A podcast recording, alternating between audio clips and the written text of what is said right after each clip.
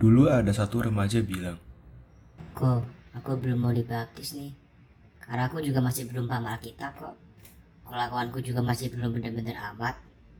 Nih, kalau kalian ketemu remaja begini, bilang, Dek, Alkitab gak pernah bilang syarat untuk dibaptis adalah tahu isi Alkitab atau nunggu kelakuan lo bener.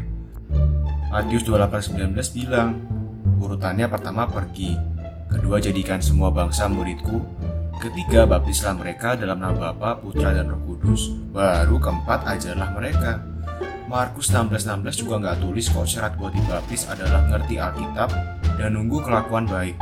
Percaya dan dibaptis akan diselamatkan. Udah, nggak ada ceritanya untuk selamatkan layak dibaptis lo harus ngerti isi Alkitab dan kelakuan bener. Jadi tolong, buat adik-adik remaja atau kalian yang masih ragu-ragu, bangunlah.